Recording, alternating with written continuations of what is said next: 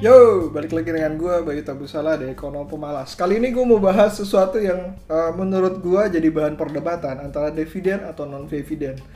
Jadi yang paling menarik dari pembahasan ini adalah, well, kalau seandainya sebuah perusahaan uh, cyclical ataupun uh, jenisnya compound growth atau apa pun itu, nah uh, cocoknya bagi dividen atau enggak ya? Sebaiknya gue ambil usaha yang bagi dividen atau enggak ya? Nah yang paling menarik adalah uh, gue selalu akan berkata bahwa Buffett dan semua perusahaan dan investasinya.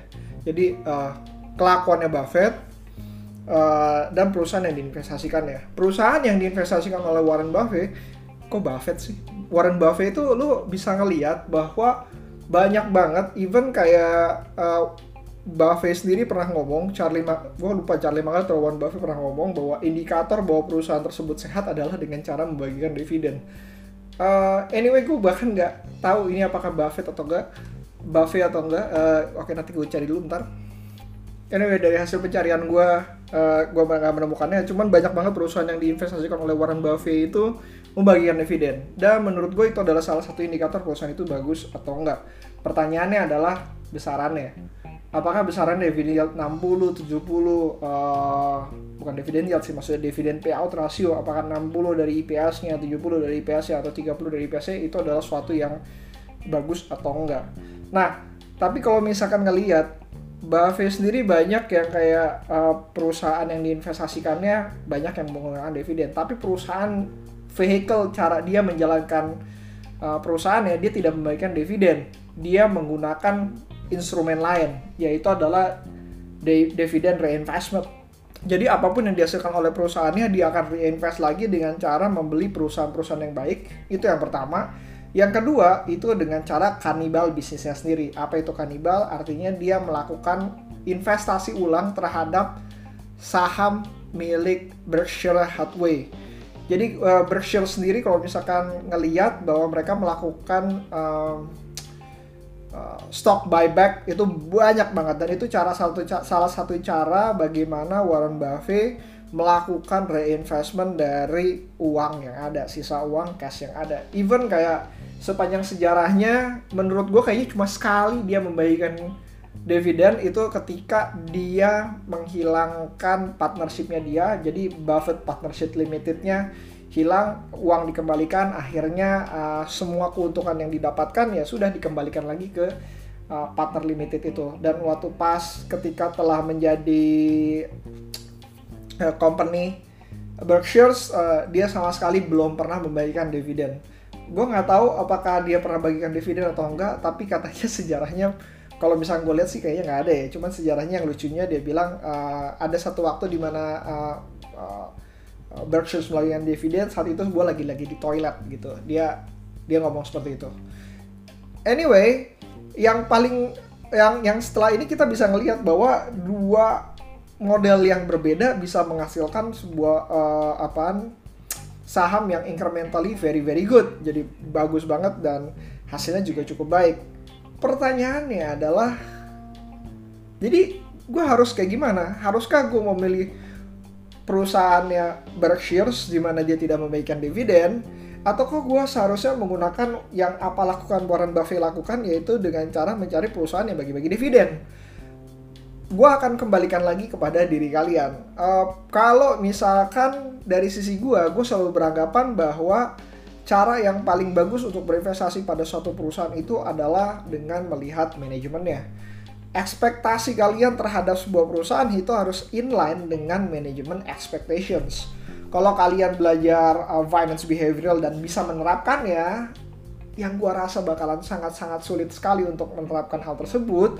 Kalian bisa melihat bahwa ekspektasi dari investor itu seperti apa dan ekspektasi dari uh, manajemen itu seperti apa. Dan kalau kalian bisa mendapatkan disparitas dalam hal tersebut, kalian bisa keluar dan masuk di market tersebut. Pertanyaannya apakah semudah itu? Gue jawab sih nggak sama sekali ya.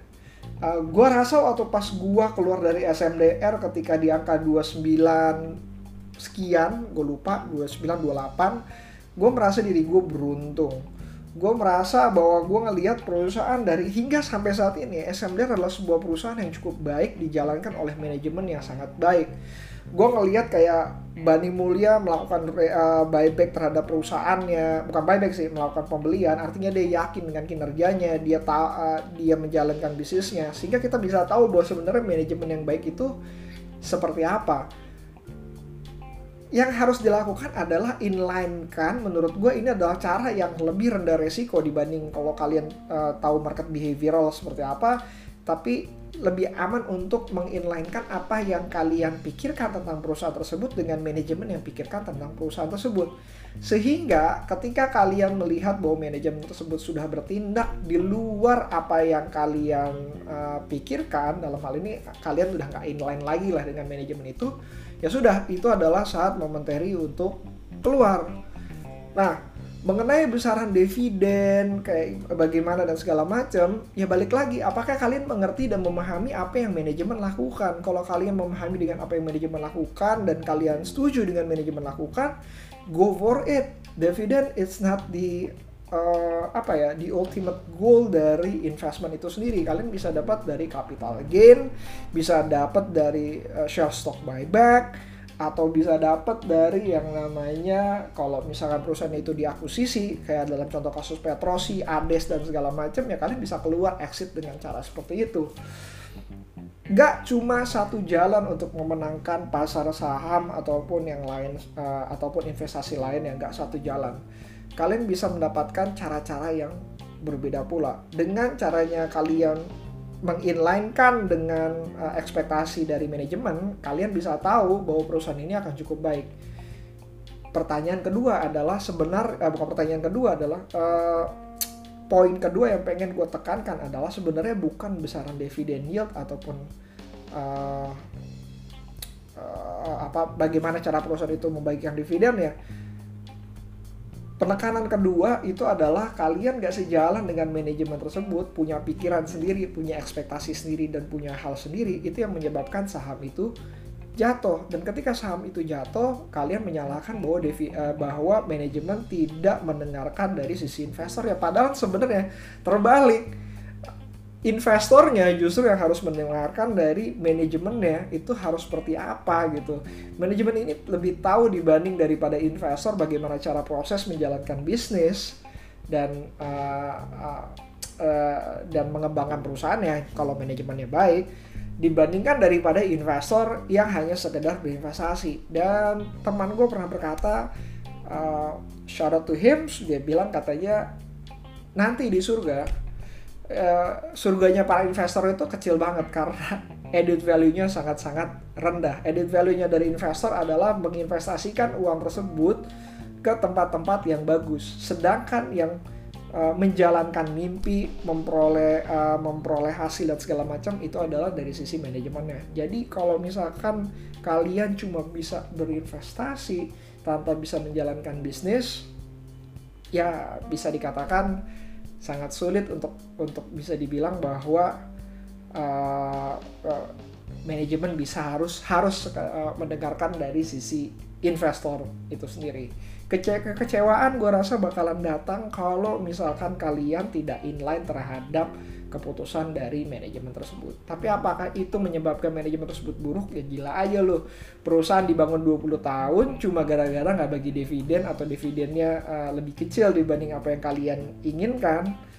Uh, terus mencap perusahaan itu buruk karena manajemennya tidak mendengarkan apa kata investor Nah, artinya sebenarnya siapa yang merugikan siapa sih sebenarnya? Bisa jadi sebenarnya keinginan dari investor ini merugikan dari sisi perusahaan. Padahal perusahaan tahu apa yang mereka harus lakukan untuk terus berjalan, mungkin gak cuma sekedar 5, 6, 7 tahun, mungkin hingga ratusan tahun mendatang.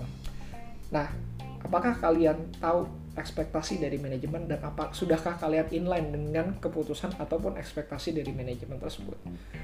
Sekian dari gua. Kalau ada mau diskusi Nah, sekarang gue ada YouTube, uh, baru upload mungkin 11 video yang lama dalam satu tahun terakhir. Gue bakalan ngeliat. Kalau misalkan emang mau diskusi di kolom komentar, silakan. Gue dengan senang hati juga untuk di sana.